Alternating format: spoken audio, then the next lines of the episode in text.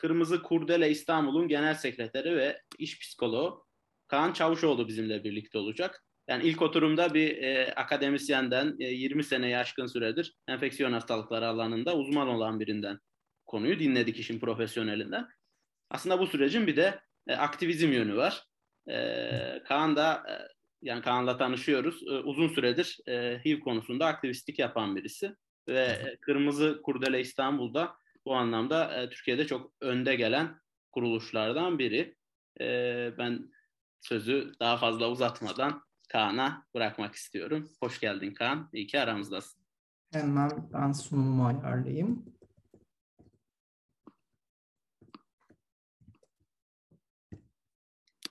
Kaan sunumunu hazırlarken e, ben de şeyi hatırlatayım. E, Kevser çete attı. E, ya bu etkinliğe katıldığınıza dair attığımız bağlantıdan yoklama formu doldurursanız e, katılım belgesi ileteceğiz sizlere.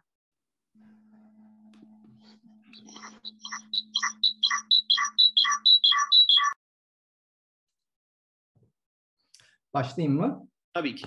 Şef.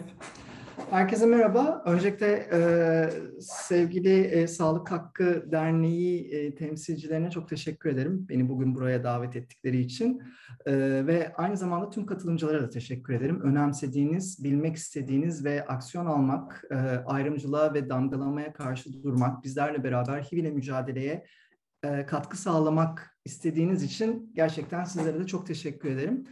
Ee, sunuma başlamadan önce aslında bugünün anlam ve önemine değinmek istiyorum. 40 yıl önce bugünlerde, bugün artık bu yıl 41. yılı, 40, 40 yıl önce ortaya çıkan bir enfeksiyon, bir e, salgınla beraber insanlar insanlık tarihinin gördüğü en büyük ayrımcılık ve damgalama hikayesiyle e, baş başa kaldılar ve 40 yıldır bitmeyen bir eşitsizlik, 40 yıldır bitmeyen bir ayrımcılık, 40 yıldır bitmeyen bir yanlış bilgiyle saldırı ve damgalama söz konusu olan bir durumdan bahsediyoruz. İnsanlık tarihine baktığınızda e, sadece HIV enfeksiyonu ismi ve isminin yansat, ya, e,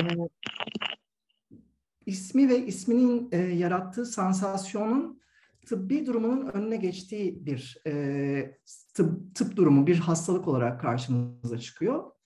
Öncelikle sözlere başlamadan önce hepinizden e, dikkat etmenizi istediğim ve mümkün olduğunca dilinizi düzelterek e, HIV ile yaşayan bireylere ve bizim yaptığımız aktivizme e, destek olmanızı istediğim konular var. Bir, biz artık AIDS demiyoruz arkadaşlar.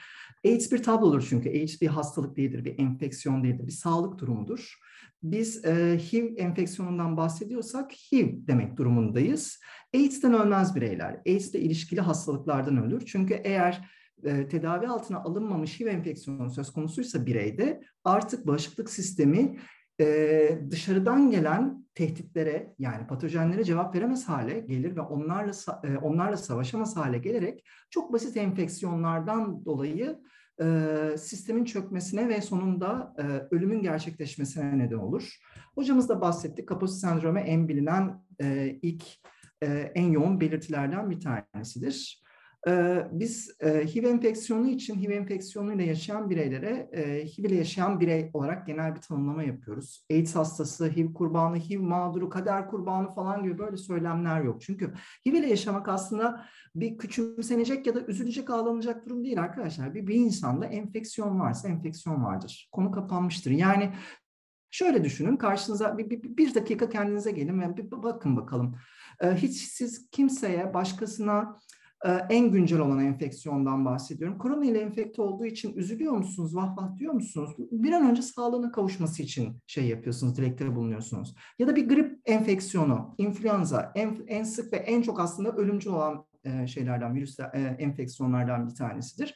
Siz influenza ile infekte olmuş bir birey için bu şekilde influenza kurbanı ya da grip mağduru diyor musunuz? Hayır. O yüzden HIV enfeksiyonu söz konusu olduğunda da biraz daha dilimizi düzelterek HIV ile yaşayan birey tanımlamasını kullanırsak e, HIV ile yaşayan bireylere gerçekten destek olmuş olursunuz. Aynı zamanda bu tanımlama Person Living with HIV İngilizceden gelmiş bir tanımlama. Bütün dillerde bizim dilimizde nasıl algılı, algılıyorsak o şekilde en doğru ve en yalın haliyle algılanan bir e, kelime öbeği. Dolayısıyla tüm dünyada HIV ile yaşayan bireyin çeşitli formları, kendi dillerindeki formları kullanılmaktadır. Olay nasıl başladı? Sabri Hocam da belirtti ama ben biraz daha aktivist tarafından bahsedeceğim. Yıl 5 e, Haziran 1981 CDC e, Haziran'ın ilk dört günü içerisinde o yılda e, gerçekleşen beş tane genç homoseksüel erkek ölümünden dolayı hemen bir bildiri yayınladı ve e, aynı e, belirtileri taşıyor. Aynı sebepten dolayı ek söz konusu oldu ve bu dikkat çekici bir gelişme dedi. Peki buraya e, bu, bu dikkat çekici gelişmeyi niye CDC'de o dönemde yayınlama ihtiyacı duydu? Yani aynı anda trafik kazasından aynı yolda beş kişi ölmüyor mu? Ölebiliyor. Olabilir ama onu yayınlamak yerine bunu yayınlamayı tercih ettiler. Çünkü çok kısa bir anekdot. 1970'li e, 60'ların sonunda Stonewall ayaklanması yaşandı New York'ta. E, o dönemdeki Amerika'da e, yoğun bir baskıcı rejimin daha doğrusu yönetimin olduğu Amerika'sında polislerin uyguladığı şiddet ve saldırılardan ya da baskı ortamından kurtulmak isteyen eşcinsel bireyler Stonewall adındaki barda ayaklanma çıkarttılar ve günlerce sokak savaşları yaşandı e, New York'un arka sokaklarında. Ve bir süre sonra araya valiler ve ülke yönetimi girerek eşcinsellere yönelik baskının azaltılması ve onlara gereken hakkın, insan hakkının verilmesi için çalışmalara başladılar ve 1972 idi yanlış hatırlamıyorsam eşcinsellerin, eşcinselliğin suç olmaktan çıktığı tarihtir. E, Amerika'daki pek çok eyalette.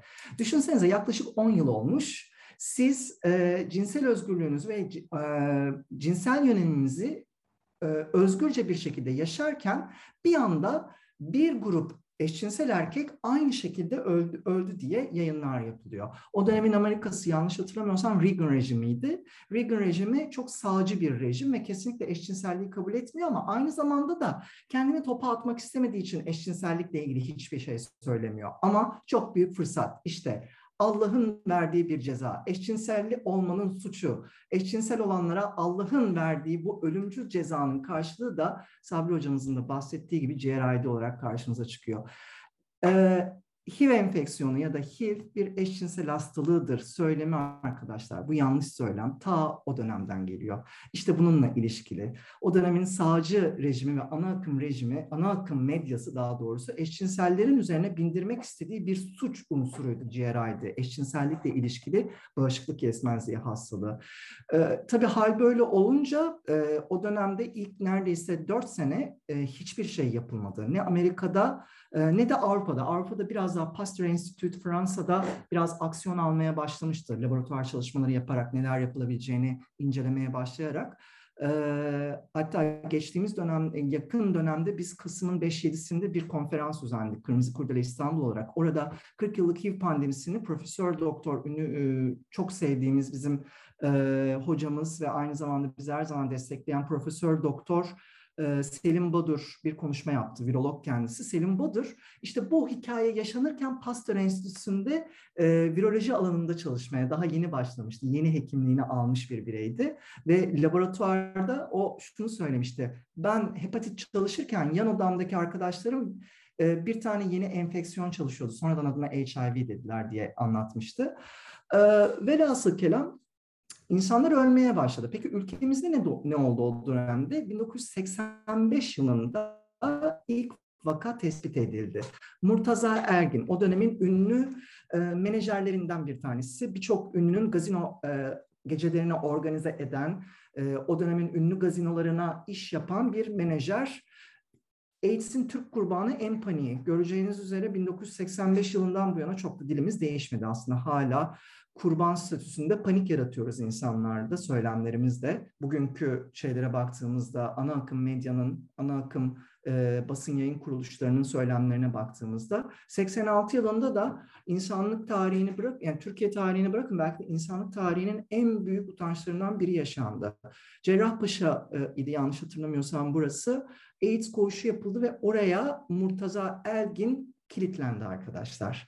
Ee, bir buçuk yıl kadar, yok özür dilerim, dokuz ay kadar bu koğuşta belirli zamanlarda hava almaya çıkması sağlanarak e, tecrit altında tutuldu. E, tabii takdir, tak, takdir edersiniz ki tecrit altında ve AIDS ne olduğunu bilmediğiniz bir hastalıkla bir te, e, koğuşta tek başınıza duruyorsunuz ve kimse sizinle aslında münasebete bile girmek istemiyor. Ta ki Hürriyet gazetesinden yine o dönemin gazete muhabirlerinden bir tanesi Murtaza Ergin'i ziyaret edene kadar ve bakın ben dokundum hiçbir şey olmadı siz de dokunabilirsiniz kötü bir şey değilmiş bu diyene kadar.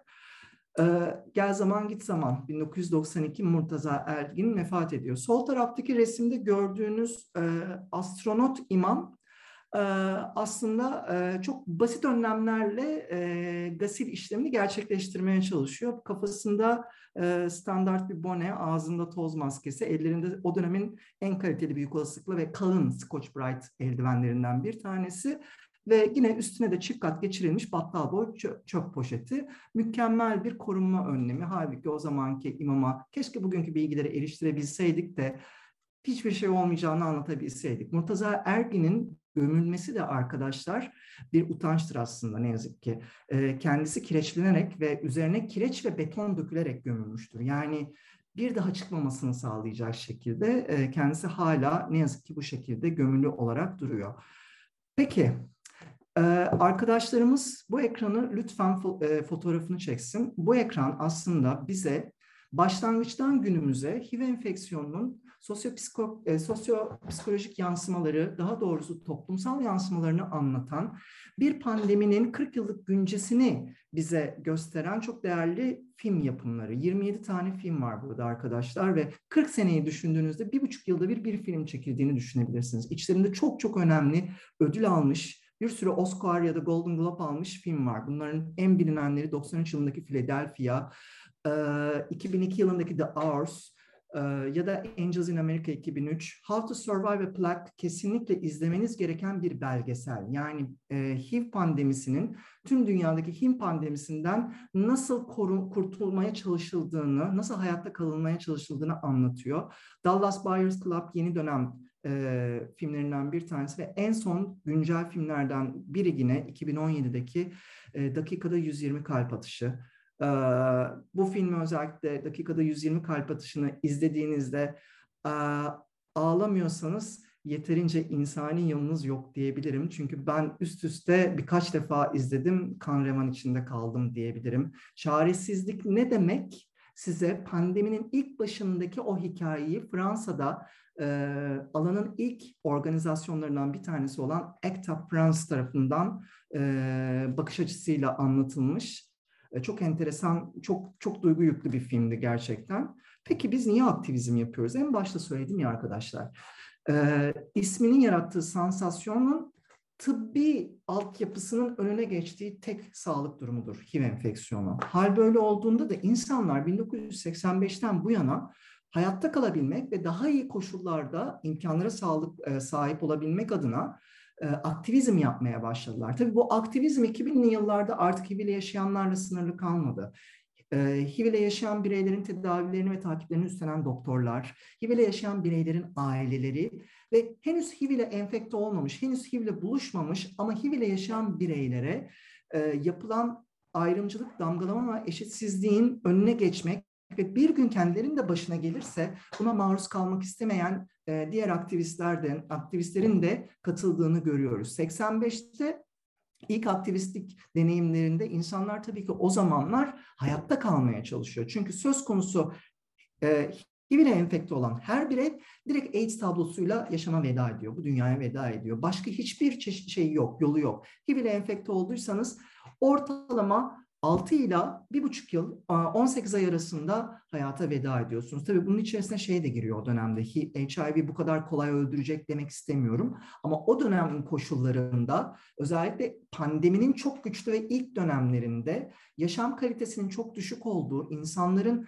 bırakın tedaviye erişmeyi, sağlıklı gıdaya e, ve barınmaya bile çok zor erişebildiği bir Amerika ve Afrika'sından bahsediyorum. Özellikle Afrika daha sonra ikinci döneminde 90'larda çok e, travmatik bir hale gelmişti. E, dolayısıyla 1985'te komünite ayaklandı Amerika'da ve ilk ilaç denemeleri o dönemin e, yeni yetme firmalarından bir tanesi şu anda da alanda en iyi firmalardan bir tanesi olan Gilead tarafından çalışmalara başlandı. Gel zaman git zaman e, arada bir AZT dönemi var, başarısız bir ilaç dönemi. daha doğrusu hani aslında tedavi etmek ya da baskılamaktan daha çok hastanın e, iyi halini biraz daha arttırıp daha rahat tırnak içerisinde hayata veda etmesini sağlayacak bir inhibitördü. E, 1995 yılında esas bugünkü gelişmelerin kaynağı olan e, çalışma söz konusu oldu. E, HART adı verilen Highly Effective ART yani yüksek etkili ART tedavileri başlandı. Hocamız söyledi mi, söylemedi, söyledi mi bilmiyorum ama söylemediyse, belirtmediyse ART tedavisi arkadaşlar antiretroviral tedavinin kısaltılmış adıdır ve retrovirüs olan HIV virüsünün baskılanması için kullanılan tedavi yönteminin e, genel olarak adıdır. Tedavi protokolünün genel olarak adıdır. 95'te HART teknolojisi ve HART'la beraber ilk moleküller keşfedildiğinde işte orada bir dönüm noktası yaşandı. Artık ilk bugün de hala kullanılmakta olan tenafovirin ilk e, versiyonu olan Truvada'nın ilk versiyonu olan moleküller tespit, e, keşfedildi ve kullanıma girmeye e, sokulmaya başlandı. İnsan deneylerinde çok güzel başarılar elde edildi. Ve 99'da artık bu başarı biraz daha katlanılması, biraz daha kat, katlanarak ilerletilmesi yine aktivistlerin desteğiyle oldu. Çünkü henüz bazı hasta grupları için bu tedavi tam etkili değildi. Tam yeterli istenilen beklenen etkiyi sunamıyordu ve aktivistlerin yoğun bir e, baskısı ve aynı zamanda e, görece zengin kesimin de buna mesela Liz Taylor Amerikalı oyuncu kendini HIV, AIDS'e adamıştır. O dönemde 99'da da kendisi bu akımın içerisindeydi. Gilead'a çok büyük bir baskı yaparak paranız ne parası neyse ben vereceğim, bütün servetimi vereceğim, teneffüviri daha da geliştirin diyerek kampanya düzenlemişti Amerika'da.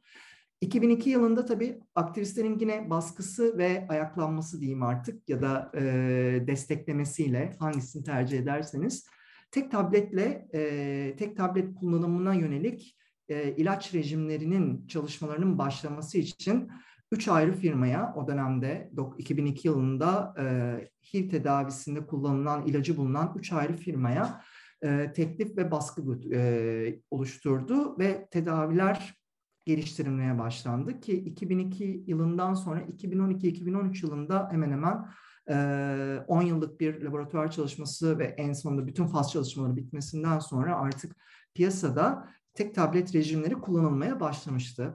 Şeyin terminolojisine asla girmeyeceğim yani ilaç üretim terminolojisine ama söz konusu HIV ilaçları olduğunda biraz daha faz çalışmalar güçlü oluyor. 2010 yılında da yine madem bu kadar etkili bu tedaviler niye e, bunun üzerine bir çalışma yapmıyorsunuz diyerek bütün dünyadaki aktivist örgütlerin bastırmasıyla partner bir çalışması yapıldı. 2011 partner iki çalışması başladı. 2016 ve 2018'de artık bu iki çalışmanın sonuçlarıyla Sabri hocamızın da bahsettiği belirlenemeyen eşittir bulaştırmayan mesajı tüm zamanların en büyük aktivizm kampanyası start aldı. Kısaca e, global ve Türkiye'deki HIV tarihinin dönüm noktalarını size anlatayım. Aslında e, bakacak olursanız 2008'deki İsviçre bildirisi Swiss Statement Pietra Venezia, Profesör Doktor Pietra Venezia enfeksiyon hastalıkları uzmanı e, kendi kliniğinde bir çalışma yapıyor kendi hastaları üzerinde ve HIV tedavisi altında olan ve bu tür tedaviyi sürdürülebilir olarak kullanan, asla ara vermeyen, viral yükünü baskılayan hastalarda e, negatif partnere korunmadan cinsel ilişkiyle herhangi bir bulaşı olmadığını tesadüfen buluyor. Ve bunun üzerine gittiğinde bir çalışma yapıyor. Yıl 2008 İsviçre, Avrupa'nın göbeği, Batı Avrupa'nın göbeği, Cenevre'nin olduğu ülke, yani insan haklarının olduğu ülke. 2008 yılında bu statement'ı çıkarttığında Pietra, Doktor Pietra, İsviçre hükümeti tarafından sorgulanıyor ve bir süre meslekten men ediliyor arkadaşlar. Çünkü sen nasıl olur da böyle bir bildiri yayınlarsın? Aslında ön yargılar çok da değişmiyor coğrafyadan coğrafyaya. Yani bilime olan ön yargı diye bir e, olgu söz konusu ne yazık ki. Çünkü korktuğumuz şeyden, korktuğumuz şeye duruşumuz ne yazık ki biraz daha ön yargılı ve ayrımcı olmak zorunda kalıyor. İşte bu 2008'deki bildiri aslında tüm HIV bilimi çalışanlarını e, bir bakıma uyandırdı ve daha sonra tekerlek dönmeye başladı. Hem de hızla dönmeye başladı. Çeşitli çalışmalarla beraber bugünkü belirlenemeyen eşittir bulaştırmayan mesajının yüzde yüz geçerli olduğunu ve asla şüphe götürülmeyecek riskin sıfır olduğu e, belirlenemeyen eşittir bulaştırmayan mesajı dönemine geldik. Türkiye'deki durum.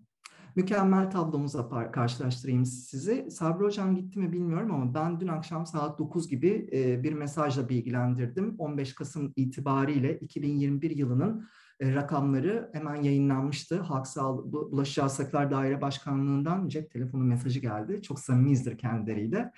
E, dün pardon 15 Kasım itibariyle 15 Kasım 2021 itibariyle Türkiye'de 29.284 kişi bugüne kadar HIV ile enfekte olmuş. Bu mevcuttaki HIV ile enfekte ve yaşayan kişiyi ifade etmiyor arkadaşlar. 85'ten 15 Kasım 2021'e kadar. Ve yine aynı tarih aralığında yaklaşık 40 sene içerisinde e, 2052 AIDS vakası mevcut. Ama biz bunların e, ölüp ölmediğine dair net bir verimiz yok. Yani ya da hangisinin ülkemizde hala yaşamaya devam ettiğine dair verilerimiz yok. Tamamen bunlar kümülatif rakamlar ve e, Halk Sağlığı Genel Müdürlüğü Bulaşıcı Hastalıklar Daire Başkanlığı'nın ilgili istatistik web sitesinde de zaten açık bir net bir şekilde belirtiyor. Yani bunlar net e, veriler değildir, kümülatif verilerdir. Dolayısıyla kümülatif olarak baz alınmaktadır. Tamam, kümülatif olarak baz alalım. Ben sadece 2017'den 2021'e kadar Halk Sağlığı Genel Müdürlüğü'nün bana sunduğu 5 yıllık e, veri üzerinden hareket ediyorum. Biz son 5 yılda yaklaşık son 40 yılda karşılaşılan kayıt altına alınan vakaların %55.7'sini üretmişiz arkadaşlar. Bu korkunç bir rakam. Türkiye'de HIV pandemisi yeni başlıyor arkadaşlar. 90'larda, 2010'larda falan değil, 80'lerde de değil. Muntaza sadece hakikaten şanssız biriydi ve tesadüfen enfekte olmuştu. HIV pandemisi Türkiye'de yeni başlıyor ve biz son 7 yıldır ne yazık ki e, artış hızları, artış rakamları bakımından tüm dünyada başta Avrupa kıtası ve e, Avrasya kıtası olmak üzere tüm dünyada birinci sırada yer alıyoruz. Çünkü birçok ülke artık HIV ile mücadelede en azından yeni rakamların, yeni sayıların oluşmaması, yeni vakaların tespit edilerek edilmemesi için ne gibi önlemler ve yöntemler e, uygulamaya alınması konusunda hemfikirler ve uyguluyorlar. Dolayısıyla biz sadece biz testi bile doğru düzgün yapamayan bir pozisyondayız. Çok üzülerek söylüyorum. Çünkü teste erişimimiz de bizim sıkıntılı. Peki, ee, Sabri Hocam bahsetti. Ben bir tık öteye götürüyorum. 2020'de 90-90 demiştik. Elimi arttırıyorum 95-95-95 diyorum. Çünkü neden? Biz 2020'ye kadar UNAIDS'in e, Birleşmiş Milletler AIDS programının e, öngördüğü, daha doğrusu ülkelerin uygulamasını istediği 90-90-90 hedeflerini uygulatamadı. E, araya bir de koronavirüs pandemisi, pandemisi gelince hemen Fast Track Targets dedi. Mutlaka erişilmesi gereken hızlı çözüm e, şeyleri, e, hedefleri diye 95-95-95'i koydu 2030'a. Ve 2030'da dedi ki ben daha önce 500 bin en az yıllık vaka istiyordum. Şimdi 200 bin ben de arttırıyorum iddiamı dedi. Ve sıfır diskriminasyon dedi tutturur muyuz bilmiyorum. Yani kendi ülkemiz için ayrı, dünya için ayrı ama hala dünyada da ülkemizde de bir kere zero discrimination, sıfır ayrımcılık söz konusu çok kolay kolay olamaz ne yazık ki. Bugün mesela ben 1 Aralık e, Dünya AIDS Günü nedeniyle Twitter'da yapılan yayınları ve atılan tweetleri gördüğümde kanım donuyor arkadaşlar. Ben o kişilerin kim olduğunu bilmek dahi istemiyorum ama ne yazık ki aramızda pek çoğumuzun tanıyabileceği insanlar da olabiliyor. Hiç tanımadığınız, hiç farkına varmadığınız insanların içerisinde çok ciddi HIV-fobi ve ayrımcılık ve damgalama kökleri barınabiliyor. Peki 90-90-90'ı anlatmıştı Sabri Hocam. Buraya girmiyorum. Burayı anladığınızı düşünüyorum. Bu 90-90-90'ı 95'e uyarlayın. 2009'da oraya geleceğimizi ümit ediyoruz. Peki biz neredeyiz? 2018 ve 2019'da kohort çalışması yapılmıştı arkadaşlar iki tane. E, belli başlı üniversiteler, e, yanlış hatırlamıyorsam İstanbul, e, Hacettepe, Marmara, e, Ege bir tane daha olması gerekiyordu tam hatırlamıyorum. Bir kohort çalışması yapılıyor. E, 90-90-90'ın o dönemki durumunu keşfetmek üzere. Biz 2018'de e, HIV ile yaşadığını henüz bilmeyen insanların %50'sine tanı koymuşuz arkadaşlar. Tedaviye erişimine de bu yüzde 50'nin yüzde 86'ını tedaviye eriştirebilmişiz. Yüzde 4'ü de çeşitli sebeplerden dolayı tedaviye erişimleri gecikmiş. Daha sonra kor çalışmasından sonra bunların tedaviye eriştiği de kanıtlanmış. Kohort bittikten sonra gerçekleşmiş bu. Ee, olabilir, bazen çalışmıyor olabilir, sosyal güvenlik e, hizmetinden yararlanamıyor olabilir, aktif olmayabilir gibi sebepler. Ve bu tedaviye erişen insanların da 90 tedavi başarısı sağlamışız. Yani son ikideki e, şey 90'ımız güzelmiş, başarmışız ama ilk 90'ımız teda- test e, tanıya eriştirmek konusunda bir sorunumuz var. Bir sonraki sene tekrar karşılaştırmalı kohort yapılıyor. Bu sefer tanıya erişim yüzde 41'e düşüyor. Tedavi erişimi yüzde 80'e çıkıyor. Tedavi başarısı yüzde 96'ya çıkıyor. Yani günden güne aslında 2018'den 2019'a tanıya, tanılama konusunda bir sorun yaşamaya başlıyoruz.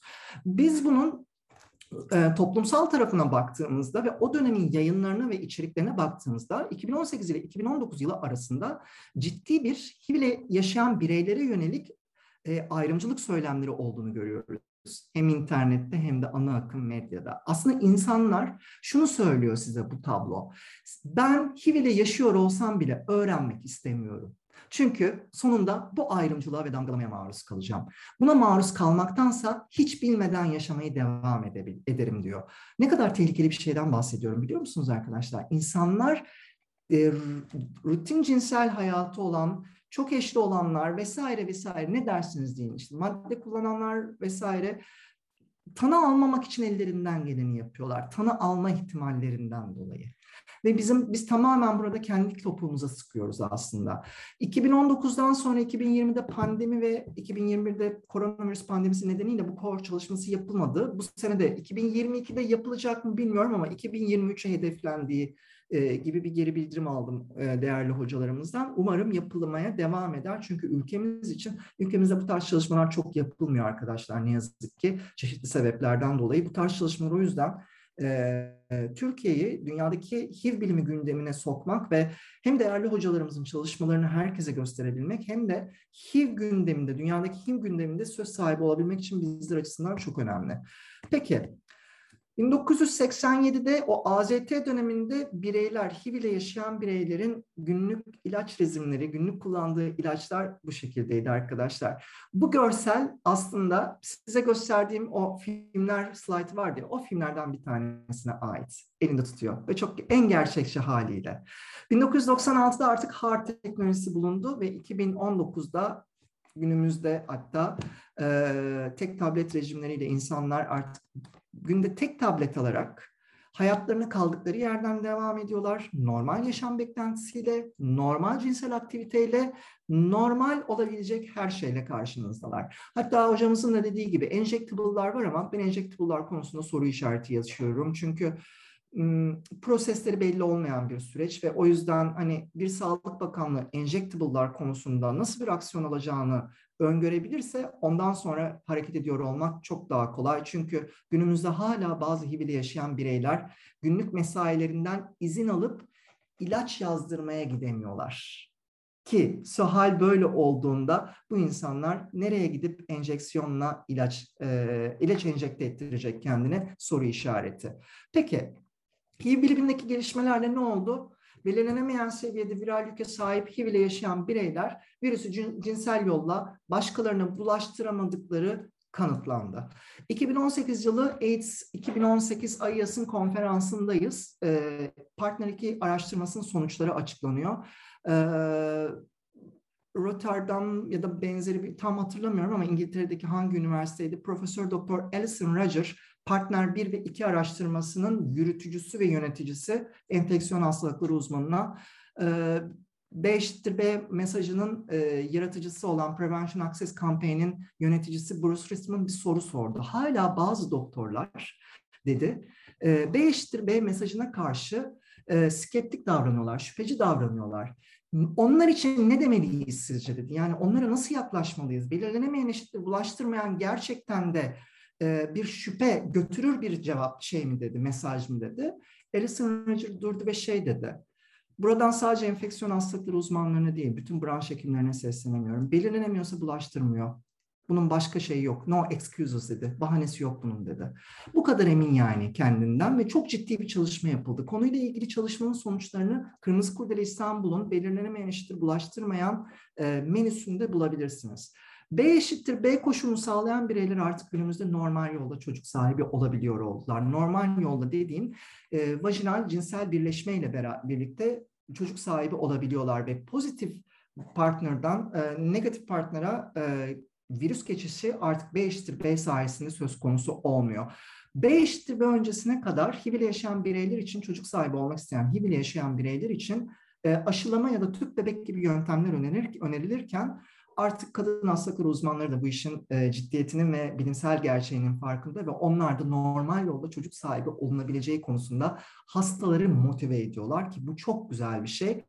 Ee, ne yazık ki sağlık alanında birazdan gireceğim ona da kısaca. Hak ihlalleri çok had safhada ama e, bu sürece en kolay adapte olanlardan e, olan branş nedir diye sorarsanız kadın hastalıkları e, bölümü. Çünkü onların özellikle pek çok kadın hastalıkları uzmanının kadın HIV ile yaşayan birey hastası var ve onlarla beraber öğrendiler bu süreci. Ve dolayısıyla da onların kendi kongrelerinde ve konferanslarında bu olgulara dair yaptıkları sunumlar aslında kadın hastalıkları jinekoloji branşının e, sürece daha kolay adapte olmasını sağladı. E, ve son olarak da sero farklı bireyler dediğimiz partnerlerden biri negatif biri pozitif olan çiftlerde artık HIV negatif bebek dünyaya getiriliyor ve e, bundan 5-6 sene öncesine kadar en azından çeşitli tedavi protokolleri, daha rigid tedavi protokolleri uygulanırken şu anda biraz daha gönlü rahat bir şekilde tedavi takipleriyle veya hasta izlemleriyle bu süreç devam ettirilebiliyor. Bizim Kırmızı Kurdele İstanbul olarak göz bebeğimiz, biriciğimiz, yakışıklımız belirlenemeyen eşittir bulaştırmayan mesajı. 2016 yılı Kasım ayında Prevention Access Campaign diye bir dernek kuruldu Amerika'da. Bruce Richmond adında Harvard mezunu bir e, avukat. Avukatlık mesleğini yapıyor o dönemde ve yaklaşık 10 yıldır HIV ile yaşıyor ve doktoruyla bir gece önce yaşadığı e, riskli temastan bahsediyor. E, bir partneriyle ilişkiye girerken kondomun yırtılması sonucunda bir ejekülasyonun, içeriye ejekülasyon söz konusu oluyor. E, ve doktor şunu söylüyor direkt. Yani Bruce neden korkuyorsun? Sen 10 yıldır HIV ile yaşıyorsun ve tedavi altındasın. Hiçbir şey, hiçbir şeyi kimseye bulaştıramazsın. Senin bulaştırabileceğin bir şey kalmadı artık diyor. Doktor Civil Statement'a güveniyor o dönemde. Amerika, Avrupa'daki o bilimsel çalışmaya güveniyor. Bruce bu gerçekten doğru mu diyor. Sonra araştırma yapıyor. Avrupa'da olanlara HPTN, HTPN çalışmasına falan da bakıyor Civil Statement'ın dışında. Diyor ki tamam yani madem belirlenemiyorsa viral yük bulaştırmıyor. 2016 yılında Prevention Access Campaign, tedaviye erişim kampanyası adı altında derneği kuruyor. Çünkü ahvali şu, eğer HIV ile yaşıyorsan ve tedaviye erişebilirsen ve bu tedaviyi sürekli kullanırsan bulaştırmayacaksın diyor kimse. Sonra o dönemde partner bir çalışmasından haberdar oluyor ve Profesör Doktor Alison Roger ile e, iletişime geçiyor ve onunla beraber bu süreci yönetiyor, kampanya sürecini. Şubat 2017 biz bu kampanyadan e, haberdar olduğumuzda Amerika'ya mail attık, ulaştık Prevention Access kampanyasına ve dedik durum böyle böyle. Biz de burada bazı hocalarla bunu konuşuyoruz ve durum evet bu şekilde. Ve vakalar da var yani bulaşmayan vakaları da gözlemliyoruz. Biz ile de görüştük vesaire. Bize şöyle bir geri dönüş oldu arkadaşlar bir hafta sonra. Ee, ilginiz için çok teşekkür ederiz. Sizin kim ve nerede olduğunuzu bulabilmek için haritaya baktık dediler. Türkiye'den böyle bir mesaj beklemiyorlardı. Çünkü Amerika'da bile hiç kimse onlara inanmıyordu. İkinci haftada onlarla bir online görüşme yaptık Skype üzerinden ve dedik ki biz imzacıyız bu bildiriye belirlenemeyen eşittir bulaştırmayana ve sözcüsü de olmak istiyoruz. O günden bugüne de zaten e, Kırmızı Kurdele İstanbul belirlenemeyen eşittir bulaştırmayanın Türkçe sesi. E, tüm içerikleri de Türkçeleştiren ve bu e, şey mesajı da belirlenemeyen eşittir bulaştırmayan şeklinde Türkçe'ye kazandıran e, dernek olarak karşınızda şu anda. Peki neden belirlenemeyen eşittir bulaştırmayan? Biraz oraya bahsetmek istiyorum. Mesaj daha doğrusu bilimsel içerik çok açık arkadaşlar. Eğer HIV ile yaşayan bir birey 6 aydır en az 6 ay boyunca e, antiretroviral tedavi kullanarak virüsünü baskılamışsa ve bu baskı e, ve bu tedaviyi sürdürülebilir bir şekilde hiç ara vermeden kullanmaya devam ediyorsa, viral baskılamayı sürdürüyorsa yani teknik olarak, bilimsel olarak virüsü başkasına bulaştıramaz. Yani belirlenemeyen viral yük, bulaştırmayan HIV ile yaşayan birey. Şimdi bu mesaj bizler için şu, e, aktivistler için şu açıdan önemli arkadaşlar. Bugüne kadar HIV ile yaşayan bireyler başkalarına virüsü bulaştırma, virüsü yayma, tırnak içerisinde AIDS'i e, toplum genelinde e, yayma konusunda hep bir suç odağı, e, damgalama odağı ve ayrımcılık haline, e, ayrımcılık e, unsuru e, hedefi haline gelmişti. Dolayısıyla bu mesaj artık HIV ile yaşayan bireyi o hedef unsurdan alıp aslında HIV ile mücadelenin, mücadelenin ana öğesi haline getiriyor. Çünkü eğer birey ilaç kullanırsa ve bunu sürdürülebilir bir şekilde yaparsa yeni vakalar oluşmayacak, yeni vakalara bulaştırmayacak. Dolayısıyla da yeni vaka tespit edilmeyecek. O yüzden işte test erişim bizim için çok önemli. Sabri Hocam az önce bahsetti anonim test merkezlerinden ama orada ne yazık ki bir bilgi güncellemesi yapacağım. Mersin'deki anonim test merkezi, gönüllü danışmanlık ve test merkezi kapandı arkadaşlar. Neden? Çünkü mevcuttaki anonim test merkezleri, gönüllü danışmanlık ve test merkezleri belediyeler bünyesinde ve mevcut test merkezleri ne yazık ki muhalefet belediyeleri bünyesinde. Ve Mersin'deki belediye ne yazık ki e, iktidar muhalefet arasındaki çekişmede kaldı ve kendini kapatmak zorunda kaldı. Daha fazla dayanamadı o e, şey politik e, deminime. Ve biz korkuyoruz ki yakın zamanda diğerleri de kapanacak. Bununla ilgili olarak Ege Üniversitesi'nde bir aksiyon alınmaya çalışıyor. Yakın dönemde biz de Ege Üniversitesi ile işbirliğine bir çalışma yapıyor olacağız. Anonim test bizim için çok önemli arkadaşlar. Sabri hocamız gösterdi. Ben size daha net rakam vereyim. 2019 yılında tabii ölçülebilen şeyler, koronavirüs her şeye iki sene boyunca ara verdi. 2019'da 7, 2019 yılı itibariyle sonunda 7 milyon 800 bin tane HIV testi yapılmıştı Türkiye'de. Bu 7 milyon 800 e, bin testin e, yaklaşık e, yüzde 60'ı bizim risk grubu üzerin risk grubu dışındaki olan bireylere yönelikti. Yani 18 yaşının altı ya da 65 yaşın üstüydü. Yani siz 80 yaşında ameliyata girecek Hatice teyzeye de HIV testi yapıyorsunuz. Sünnet olacak minik Erman'a da HIV testi yapıyorsunuz. Yani Dolayısıyla hedef kitlenizin dışına çıkıyorsunuz. Anonim test merkezleri bu yüzden önemli. Anonim test merkezleri bireylerin o az önce size bahsettiğim tanı alırsam ayrımcılığa maruz kalacağım endişesini bir nebze olsun azaltıyor. Neden? Çünkü biz tanı alan bireylere ne yapıyoruz biliyor musunuz arkadaşlar? Pat diye bir form dayatıyoruz.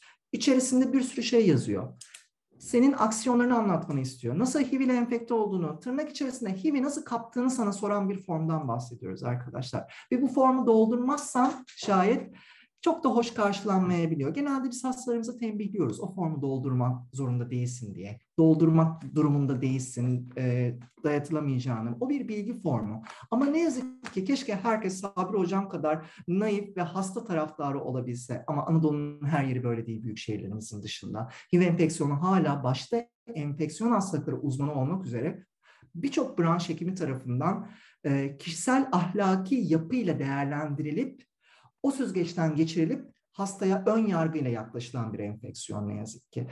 Yani şey gibi düşünün arkadaşlar. E, kadınsınız, hamile olduğunuzu öğreniyorsunuz ve kadın hastalıkları uzmanı ilk olarak size şunu söylüyor. Evli misin? Kendinizi nasıl hissederdiniz kadınlar? Şimdi bunu buradaki hissi HIV ile yaşayan ya da yeni öğrenmiş olan hastaların e, yaşadığını düşünün. Eşcinsel ilişkiye girdim mi hiç? Doğruyu söyle. Bu soru kendinizi sizi nasıl hissettirir? Eşcinsel olduğunuzu gizlediğinizi düşündüğünüz bir coğrafyada ya da gizlemek zorunda olduğunuz e, yaşamsal setuplardan birinde olduğunuzda siz ne yazık ki kendinizi çok iyi hissedemeyebiliyorsunuz. İşte bu durumlar bizim vakaların tedaviye olan inançları ve bağlılıklarını ve dolayısıyla da HIV ile yaşamanın ne kadar kolay olduğunu da aslında olan inançlarını törpülemekte. Ve biz yani daha tanı aldığımızda eksi bir ile hatta eksi bir onla başlamaktayız. Elimizde mükemmel araçlar var. ART, bütün sunumunun e, ana e, konu başlıklarından bir tanesiydi. PrEP, Pre-Exposure Prophylaxis. Türkiye'de henüz Sağlık Bakanlığı, Pre-Exposure Prophylaxis biraz bizim Sağlık Bakanlığı arasında e, handball maçında kullanılan top gibidir. Bak e, daire başkanlıkları arasında gider gelir. Bulaşıcı hastalıklar kabul eder. İlaç, e, tıbbi ilaç kurumu kabul ediyormuş gibi yapar ama etmez çünkü listelemeye almaz gibi gibi ama güzel bir gelişme oldu son dönemde. Bir tane ilaç firması, jenerik ilaç firması e, PrEP olarak sunulabilecek 4 tabletlik bir e, TDF formatında e, şey ürün çıkardı. PrEP olarak çıkardı. Demek ki yapılabiliyormuş. Bugüne kadar yapılmamasının da sebeplerini biz ilerleyen günlerde tekrar sorguluyor olacağız ama artık PrEP'e erişim var. Fakat fiyat çok da ucuz değil. Ee, şöyle düşünün Avrupa Birliği'nde ya da üçüncü e, yani düşük gelirli ülkelerde 5 ila 10 birim para arasında erişilebilen bir kutu 30 günlük PrEP, jenerik PrEP'ler bizde şu anda e, 4 adet 280 birime erişilebiliyor arkadaşlar. Çok fahiş bir fiyat bu. Yani aslında biz e, jenerik bir ilacın çok az formatını bile e, orijinal bir e, ilaca verdiğimiz parayla eşdeğer şekilde alıyoruz. E ne oldu? Jenerik hani muadil ilaç olarak geçmiyor muydu? Devletin daha çok kaynak yönetiminde başarılı olması için jenerik ilaçlar kabul edilmiyor muydu? Söz konusu HIV enfeksiyonu olduğunda niye bu uygulamaya alınmıyor? Sadece sorularımı soruyorum. Herhangi bir şey ima etmiyorum. Aynı şekilde PEP'te, post exposure prophylaxis. Yani şüpheli temastan sonra 72 saat içerisinde hemen acil kullanımı sonrasında HIV enfeksiyonunun vücutta aktif olmasını önleyen aslına bakacak olursanız klasik bir e, HIV tedavisi rejimidir. Uygulamanın adı PEP'tir, Post Exposure Prophylaxis. Burada da biz ayrımcılıkla karşılaşıyoruz e, özellikle HIV ile yaşayan bireyler ya da genel olarak toplumu açısından. Neden derseniz Günümüzde PEP Sosyal Güvenlik Kurumu tarafından iki şekilde geri ödenebilmektedir. Yani hiç para vermeden alabilmektesiniz. Birinde sağlık çalışanı olmak zorundasınız ve mesleki maruziyet söz konusu olmak zorunda. HIV ile yaşayan bir bireye e, bakımınız ya da müdahaleniz sırasında kesici delici bir aletle sizin de e, enfekte olma riskiniz göz önüne alınarak size PEP tedavisi uygulaması gerekiyor. Ama burada mesela PEP uygulaması için ilgili hastanın da bilgileri ulaştırılmak zorunda. Yoksa nereden bilecek sağlık e, şey sosyal güvenlik kurumu ilgili sağlık çalışanının gerçekten bir HIV ile yaşayanla e, şey yaptığını, temas ettiğini ve bu duruma, olumsuz duruma maruz kaldığını. Diğer bir PEP karşılanan durumda cinsel istismar durumlarında e, olası HIV transmisyon riskini ortadan kaybolmak. Şimdi sadece size bir soru soruyorum. Genç nesil, ben sizin zekanıza çok e, güveniyorum ve geleceğini de çok ciddi şekilde değiştireceğinize olan inancım hiçbir zaman bitmedi.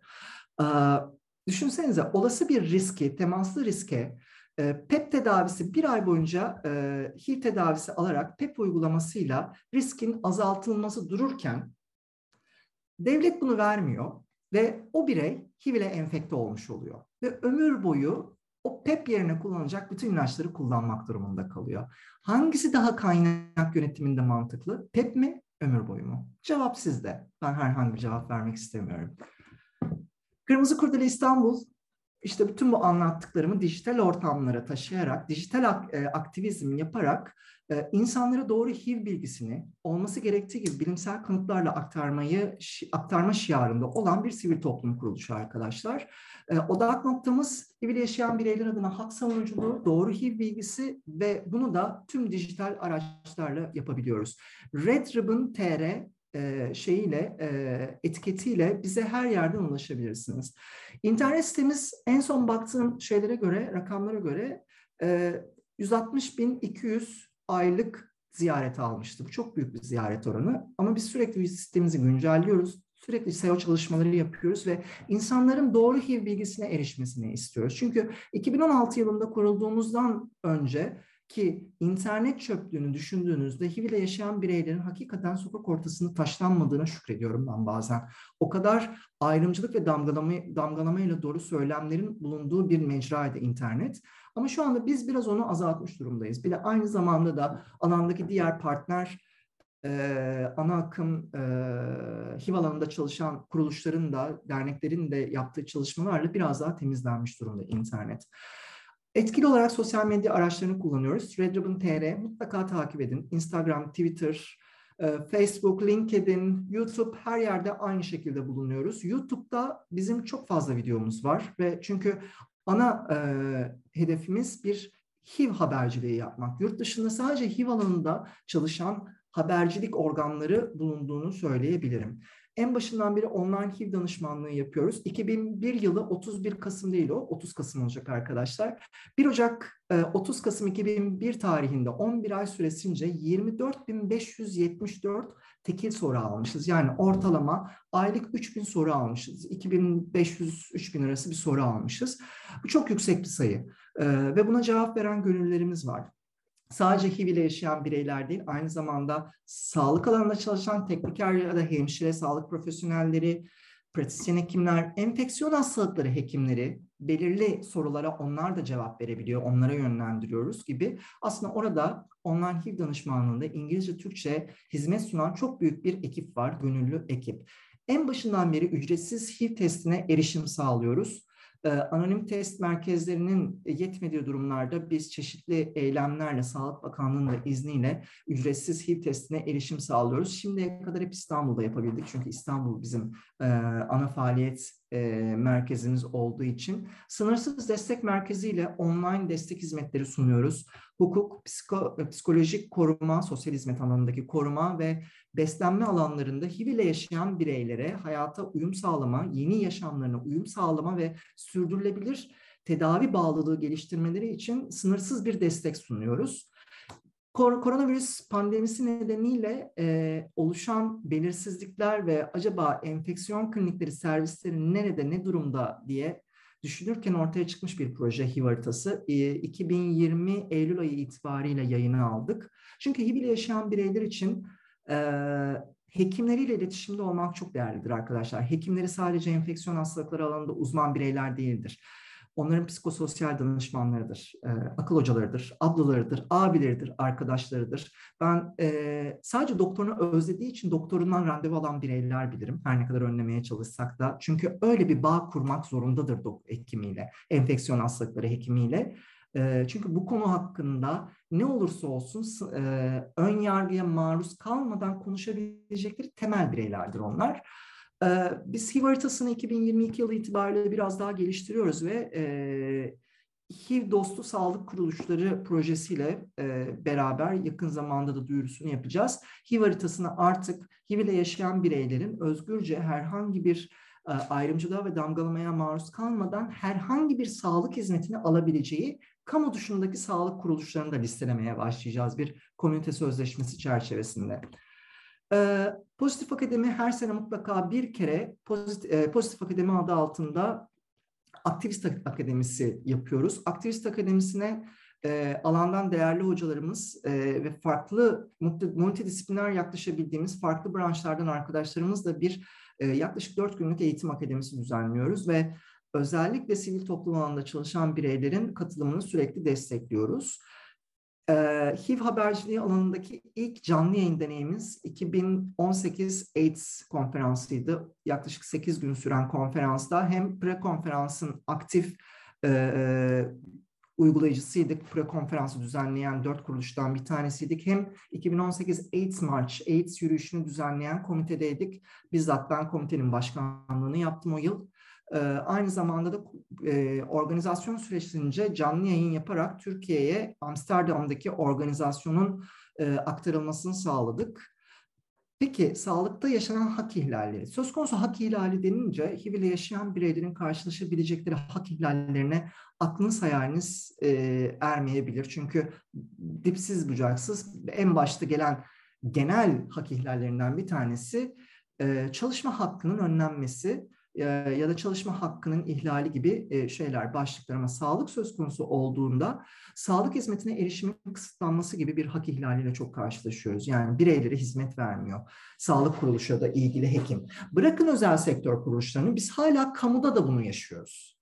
Ve bunun çok aslında benim anlamadığım ve komik de bulduğum bir karşılığı da var. Bulaşıcı Hastalıklar Daire Başkanlığı'nın ilgili istatistik web sitesine baktığınızda şöyle bir cümle geçer. Ee, ancak HIV ile yaşayan bireyler hala ne yazık ki toplum genelinde ve sağlık hizmetlerine erişirken hak ihlallerine maruz kalmakta damgalama ve ayrımcılığa. Ha, okey. Orada ben şunu soruyorum. Sevgili Sağlık Bakanlığı bunu yazıncaya kadar niye bununla ilgili önlem almayı düşünmüyorsun? Yani belki daha faydalı olabilir. Bakalım yakın zamanda onlarla da ilgili önlem alınacağını düşünüyorum. Sağlık hizmetlerine erişimin geciktirilmesi çok sık rastladığımız bir şey. Operasyonun ertelenmesi, preop tetkiklerinde HIV ile yaşadığı ortaya çıkan bireyin e, operasyon tarihinin ertelenmesi. Eğer yeni tanı almışsa anlayabiliyorum. Retroviral, antiretroviral tedaviye başlaması ve onun oturması bir süre olabilir ama çok akıt operasyonlarda bile operasyonu reddetme durumu söz konusu var. Birazdan bir örnek gelecek. Muayenenin, muayeneye alacağı hastanın son saatinde muayeneye alması. Bununla ilgili çok yakın zamanda bir örneğim var e, ve sağlık kuruluşuyla ben iletişime geçtim. E, jinekolojik muayene sonrasında jinekoloji muayene odası e, çamaşır suyuyla yıkanmış hastadan sonra akşam saat beş buçukta ve hasta bunu görüyor ve bize de bir şikayeti iletti. Biz de konuyla ilgili bilgi almak istedik ama hala bilgi seviyesi bu kadar arkadaşlar. Sağlık hizmetlerine erişimde özel hayatın sorgulanması en büyük hak, ihlali. Az önce de söylediğim gibi. Ee, nereden kaptın? Eşcinsel misin? Gece hayatın nedir? Aslında söz konusu HIV enfeksiyonu olduğunu ya da HIV enfeksiyonun e, salgının içerisindeki bu bireyin katkı, sunduğu katkıyı ölçmenin soruları bu değildir arkadaşlar. Tüm dünyada bunlar artık kaldırıldı ama biz ne yazık ki hala 1995 öncesi sorgulamalarla yolumuza devam ediyoruz.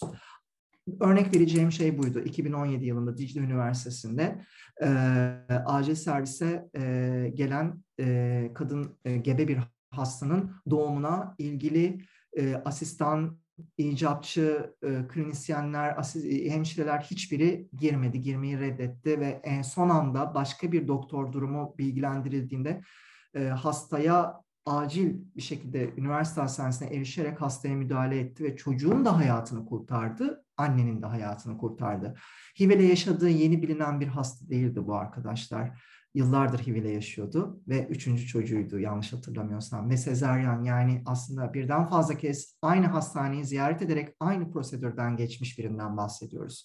Ve bizzat da bildiğim bir hasta aslında Mustafa Kemal Hoca'nın Dicle Üniversitesi Anabilim Dalı Başkanı enfeksiyon onun hastası olan bir vakadan bahsediyoruz.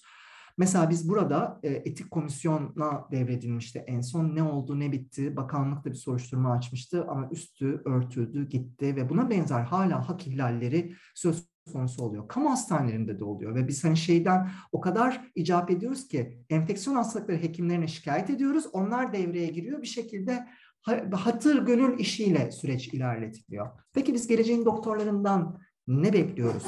Genel olarak gelecek geleceğin insanlarından, sizlerden ne bekliyoruz? Bilimsel gelişmeleri takip edin. Yeni, yeni tedavi kılavuzları sürekli güncelleniyor. En kötü iki senede bir güncelleniyor ve bunlar e, toplumun e, bilgisine yayınlanıyor. Yani sadece hekimler görecek diye bir şey yok. İsteyen herkes erişebiliyor Sağlık Bakanlığı'nın sitesinden. HIV bir enfeksiyondur arkadaşlar. Bunu kabul edelim. Bir sağlık durumudur. Bunu kabul ettiğimiz zaman kişisel görüşlerden ve ahlaki önyargılardan uzak durduğunuz zaman inanın hayat sizin için de HIV ile yaşayan birey için de çok kolay olacak. HIV toplum sağlığıyla alakalı olmasından dolayı sizin HIV enfeksiyonuna ve HIV ile yaşayan bireylere olan yaklaşımınız aslında HIV ile mücadelenin e, başarıyla sürdürülmesi için temel taşlarından biri olarak karşımıza çıkıyor. Yani siz yoksanız çok eksiyiz, siz varsanız çok fazlayız. Bunu asla e, unutmayın ve temelde empati kurun. Karşınıza gelen vakayla, hastayla, danışanla ne derseniz deyin. Empati kurduğunuzda, içinde bulunduğu durumu anladığınızda ve ona motivasyon kaynağı olduğunuzda siz yaptığınız işte daha iyi gidersiniz. HIV ile yaşayan birey de hayatta kalıp HIV yaşamasından dolayı utanmaz hale gelir. Sevgili Doktor Fauci, Pasteur Enstitüsü'nden şu andaki Amerika CDC'ye geçmiş. Çok da ismini duymuşsunuzdur koronavirüs pandemisinde. Kendisine, kendisi bizzat Kırmızı Kurdele İstanbul'un destekçisidir bizim bu dönemde. Ayyas döneminde de e, benimle onunla birlikte çalışma fırsatı da buldum bir sene boyunca e, Uluslararası AIDS topluluğu çalışmalarında. E, kendisinin bu söylemine ben bayılıyorum. HIV yayılımı durdurmak için ART'den tutun B eşittir B'ye, PEP'ten PrEP'e her şey. Ön yargıyı kaldırdığımızda araya aradan biz bu yayılımı durdururuz. E-posta listemize abone olmayı, bizi takip etmeyi e, ihmal etmeyin, unutmayın. Çok teşekkür ederim bana katlandığınız için. Olur mu öyle? Çok teşekkür ederiz.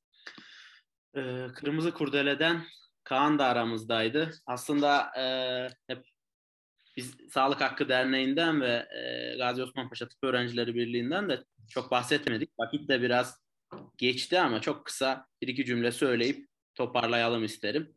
Ee, bir Sağlık Hakkı Derneği olarak e, aslında sağlık çalışanlarına ve hastalara yönelik hukuki psikolojik destekler veriyoruz. Aynı zamanda e, proje bazlı çeşitli çalışmalar yürütüyoruz. Sağlık hakkının savunulması, geliştirilmesi konusunda ülkemizde inisiyatif almaya çalışıyoruz. E, aynı şekilde aramızda Gazi Osman Paşa Tıp Öğrencileri Birliği'nin başkanı Yiğit var.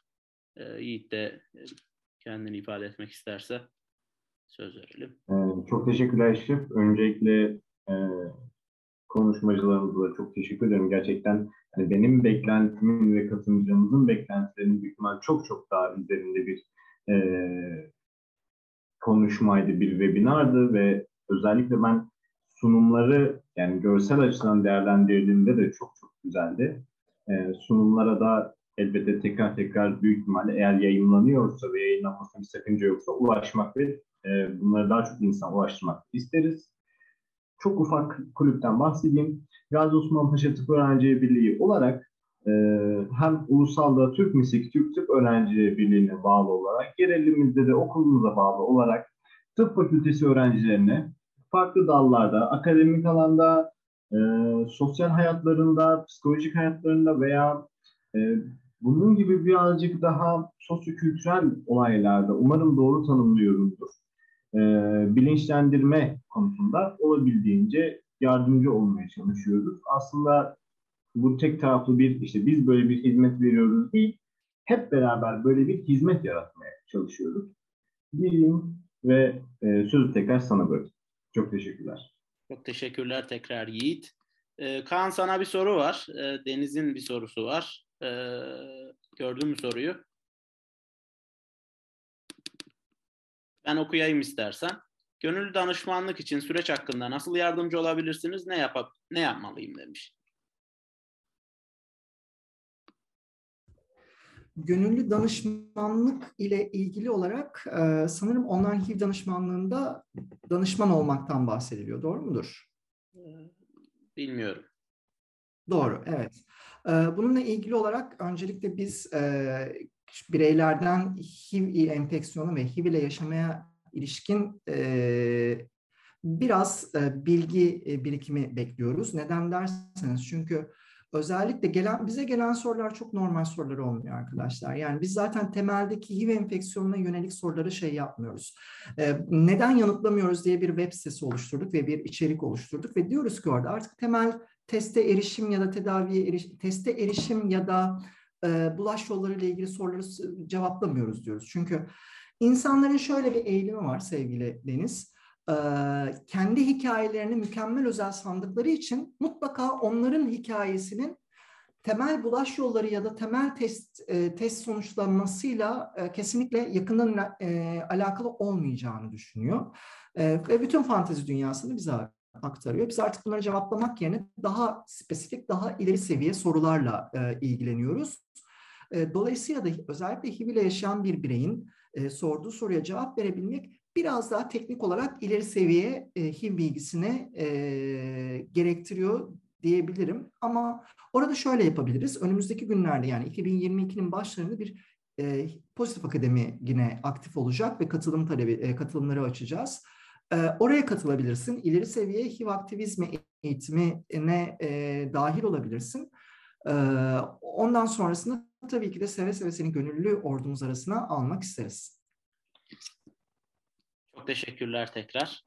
Harikasın o zaman. Ben bu detayı bilmediğim için sevgili Deniz, e, ayrıca e, HIV şey info adresimizden bize ulaşırsan e, konuşuyor oluruz.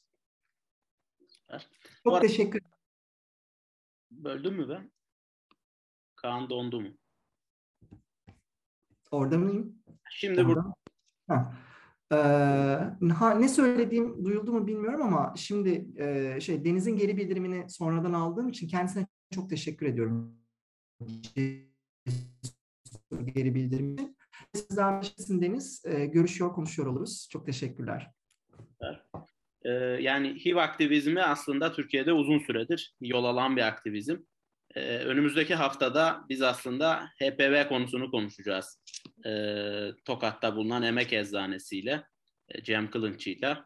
E, kendisiyle 7 Aralık'ta bir etkinliğimiz olacak. Buradan yine e, herkesi davet etmiş olalım. Ümit ediyoruz ki HPV aşısı bir an önce e, aşı takvimine, ulusal aşı takvimine eklenerek e, bütün kadınların, öncelikle kadınların e, aşılanmasını arzu ediyoruz. Bu süreçle ilgili de güncel ve e, ciddi çalışmalar yapıyor arkadaşlar.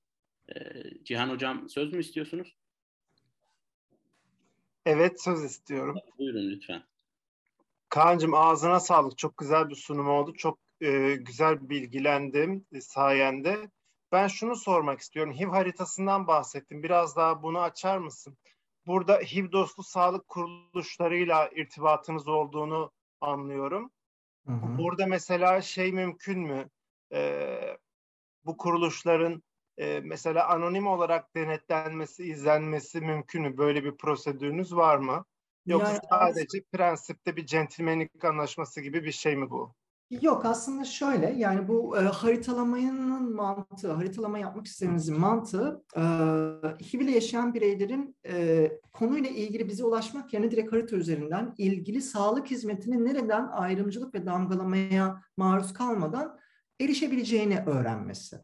Şimdi biz bu yeni e, planladığımız projede ilgili sağlık kuruluşuyla da e, görüştüğümüzde ve onu aplikasyona, haritalamaya dahil ettiğimizde bir komünite sözleşmesi hazırlıyor olacağız.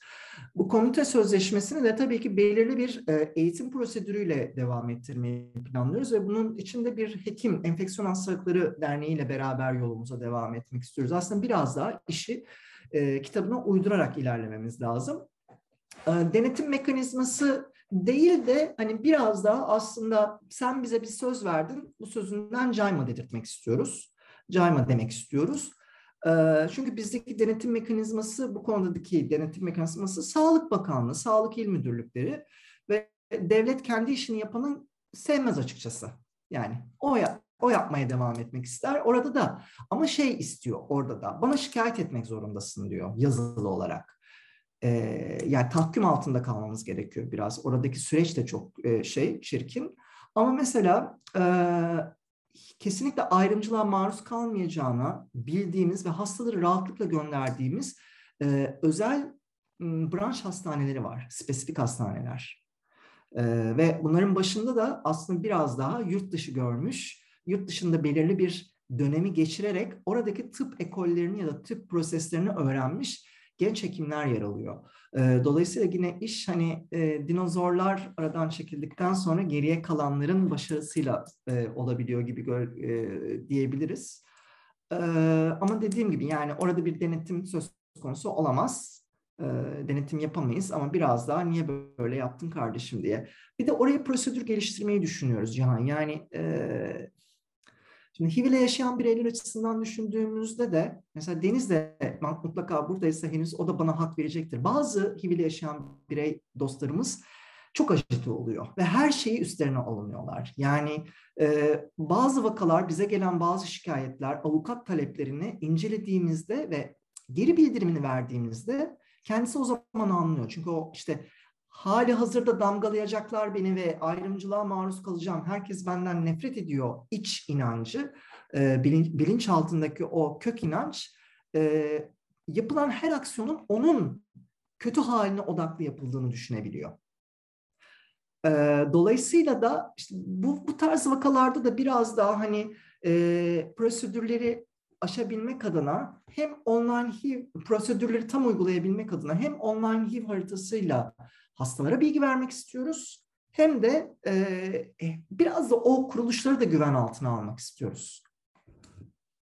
Ya en çok kısa bir örnek, en yakın zamanda bildiğim bir saç ekim merkezi yıllardır o saçım ekim merkezindeki herkes HIV yaşayan bireyleri böyle kucaklar alarak hani e, şey ilk geceye alır gibi böyle kucağında götürür falan. O kadar şeyler, pozitifler ve hiçbir şekilde hastalara yaklaşımları konusunda asla şüphe etmeyeceğimiz ama bir vaka sorun yaşadı ve bize öyle bir vaka içeriği yazdı ki sonra psikososyal desteği aldık onu psikolog arkadaşlarımızla beraber.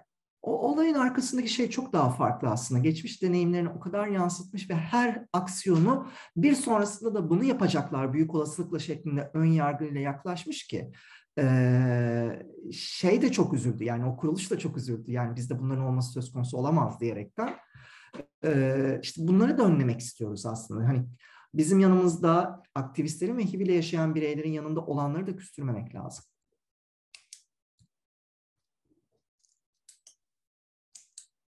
Bir, bir de şeyi soracaktım. Sen konuşurken